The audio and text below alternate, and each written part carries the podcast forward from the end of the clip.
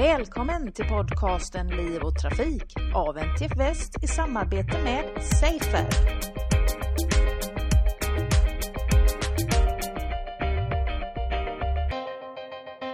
Idag är det den 7 september och Liv och Trafikpodden träffar Maria Ågren som är generaldirektör på Transportstyrelsen. Välkommen Maria till programmet. Mm, tack så mycket. Eh, jag har precis lyssnat på dig på Tylösandsseminariet eh, där du har beskrivit eh, Transportstyrelsens uppdrag och de utmaningar som ni eh, befinner er för just nu. Kan du nämna något av det som du berättade för Tylösandspubliken? Eh, Jag pratar lite grann om dels vilken, vilka framsteg man har gjort inom trafiksäkerhetsarbetet i Sverige eh, på de många år som man har haft bland annat nollvisionen. Men att det fortfarande finns en hel del kvar att göra. Ehm, jag tänker också att eh, nu när vi har kommit en lång bit på väg när det gäller att minska antalet döda i trafiken så har vi fortfarande ett stort arbete att minska antalet allvarligt skadade och de oskyddade trafikanterna.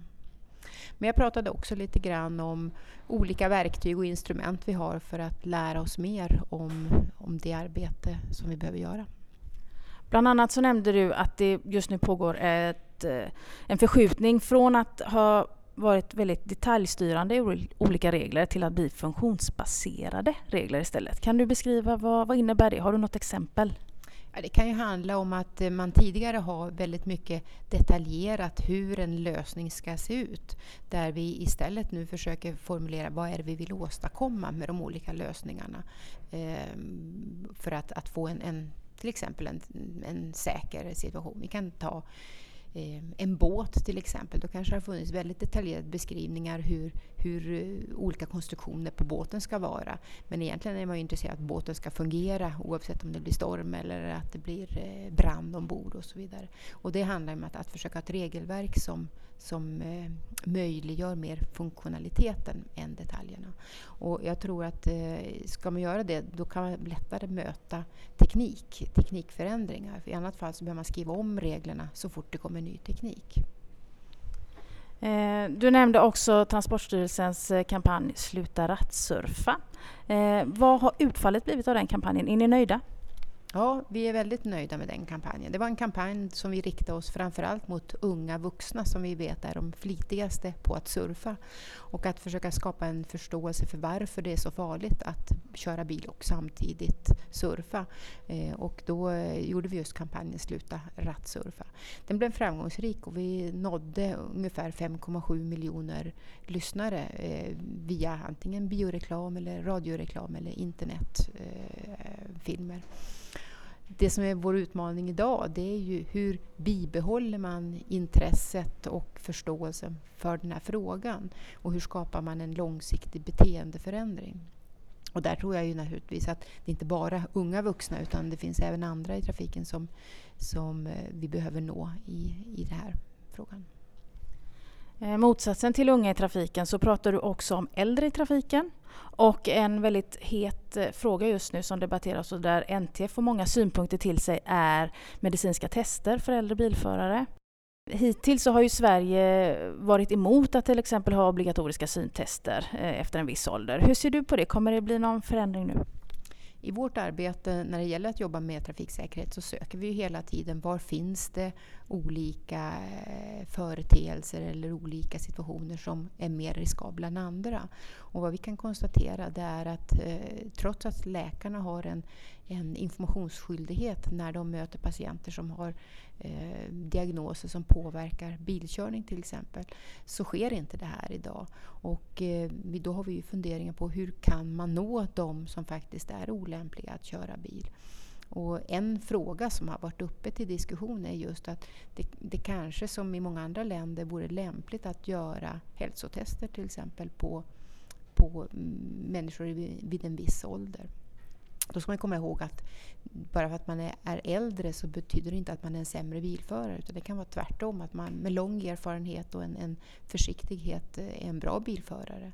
Men det vi behöver komma åt är ju de situationer då man faktiskt har fått en sjukdom. Till exempel en demenssjukdom som är, då man blir högst olämplig att framföra en bil.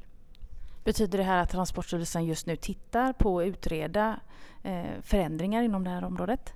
Det pågår inget särskilt arbete just nu utan det är mer att, att diskussionen har, har startat och, och, vi sneglar lite grann på vad gör andra länder, hur hanterar man det här? Och, eh, det är en diskussion bland många diskussioner. Transportstyrelsen har ett övergripande ansvar för yrkestrafiken på väg ehm, eh, och ansvar också för tillsyn. Vad är de största utmaningarna som du ser det idag för yrkestrafiken på väg?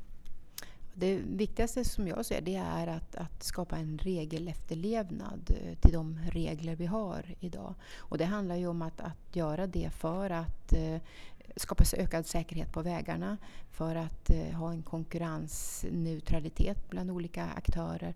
Men också att, att eh, jobba med sociala, eh, den sociala arbetssituationen för många yrkesförare. Vi eh, har i ett tidigare Liv och Trafik-poddavsnitt hört eh, trafikpolischefen i Region Väst, Bengt Karlsson, beskriva eh, väldigt eh, långa arbetsdagar för många inom den tunga trafiken. Man arbetar uppemot 21 timmar utan rast och Eh, det är lätt att överskrida kör och vilotider och lastbilschaufför eh, rankas idag som Sveriges farligaste yrke. Och Bengt berättade då att ett önskemål som han har är möjligheten till en slags förlängda vägkontroller. Transportstyrelsen kan idag göra tillsyn hos företag och det har polisen också kunnat göra förut som ett sätt att eh, utreda vidare när man hittar misstänkt tung trafik på vägarna. Idag har man inte den möjligheten längre hos polisen. Har du någon kommentar eller skulle du vilja svara Bengt på hans önskemål? Det är helt riktigt att det har skett en förändring där ett ansvar har gått över till Transportstyrelsen. Och på grundval av polisens eh, utredningar vid väg så kan vi göra, då, göra riskbaserade eh, utredningar på olika företag. Fortsatt finns det en möjlighet för polisen att, att också eh, närma sig företagen i större utsträckning än bara på väg. Ehm, men det viktiga är ju att, att vi hjälps åt och att vi samarbetar med de här frågorna. För jag tror att det, det är när vi samarbetar som vi kan få det bästa resultatet. Bengt lyfte också fram beställaransvaret som någonting som eh, borde diskuteras mer och att eh, beställarna borde ta ett större ansvar. Och eh, vad jag förstår så eh, har ju då en beställare ingen undersökningsplikt. Man behöver inte vidare undersöka om eh, om en åkare tar sitt ansvar så att säga med arbetsmiljölagar och annat. Vad tänker du kring det? Det är riktigt att idag finns det bara vissa situationer där man som beställare har ett ansvar och det är när det är uppenbart eller när, när man borde kunna veta att en eh, åkare inte har de tillstånd som behövs eller de eh, eh, ingår i den, ja, ingår i den, har de körningstillstånd som behövs.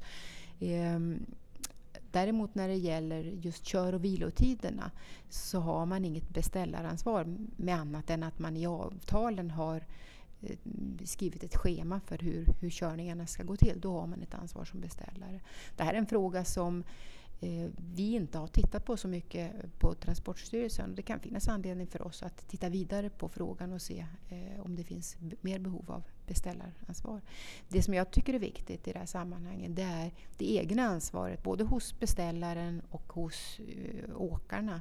Att uh, ta egna initiativ för att uh, gå före och visa. Och jag vet att Sveriges Åkeriförening till exempel har, har ett, ett program som kallas Fair Transport. Och, det tycker jag är ett gott exempel på hur man inom bransch, branschen själva tar initiativ till den här typen av kontroller. Sen finns det möjlighet för både beställare och eh, åkerinäringen själva att gå in och titta i våra system och se vilka har de tillstånd som krävs och vilka, vilka eh, licenser finns eh, i sammanhanget. Och, um, de som vill ta det här ansvaret har möjlighet att göra det med den information som finns idag. Då kan vi skicka en uppmaning till alla beställare att eh, använda sig av den möjligheten att eh, forska vidare kring vad det är för upphandlingar man faktiskt gör. Mm, det kan vara ett gott exempel. Mm. Tack så jättemycket Maria Ågren för att du ville medverka. Mm, tack ska du ha. Det var allt från Liv och Trafik för denna gång. Jag heter Angela Elvård och tack för att ni har lyssnat.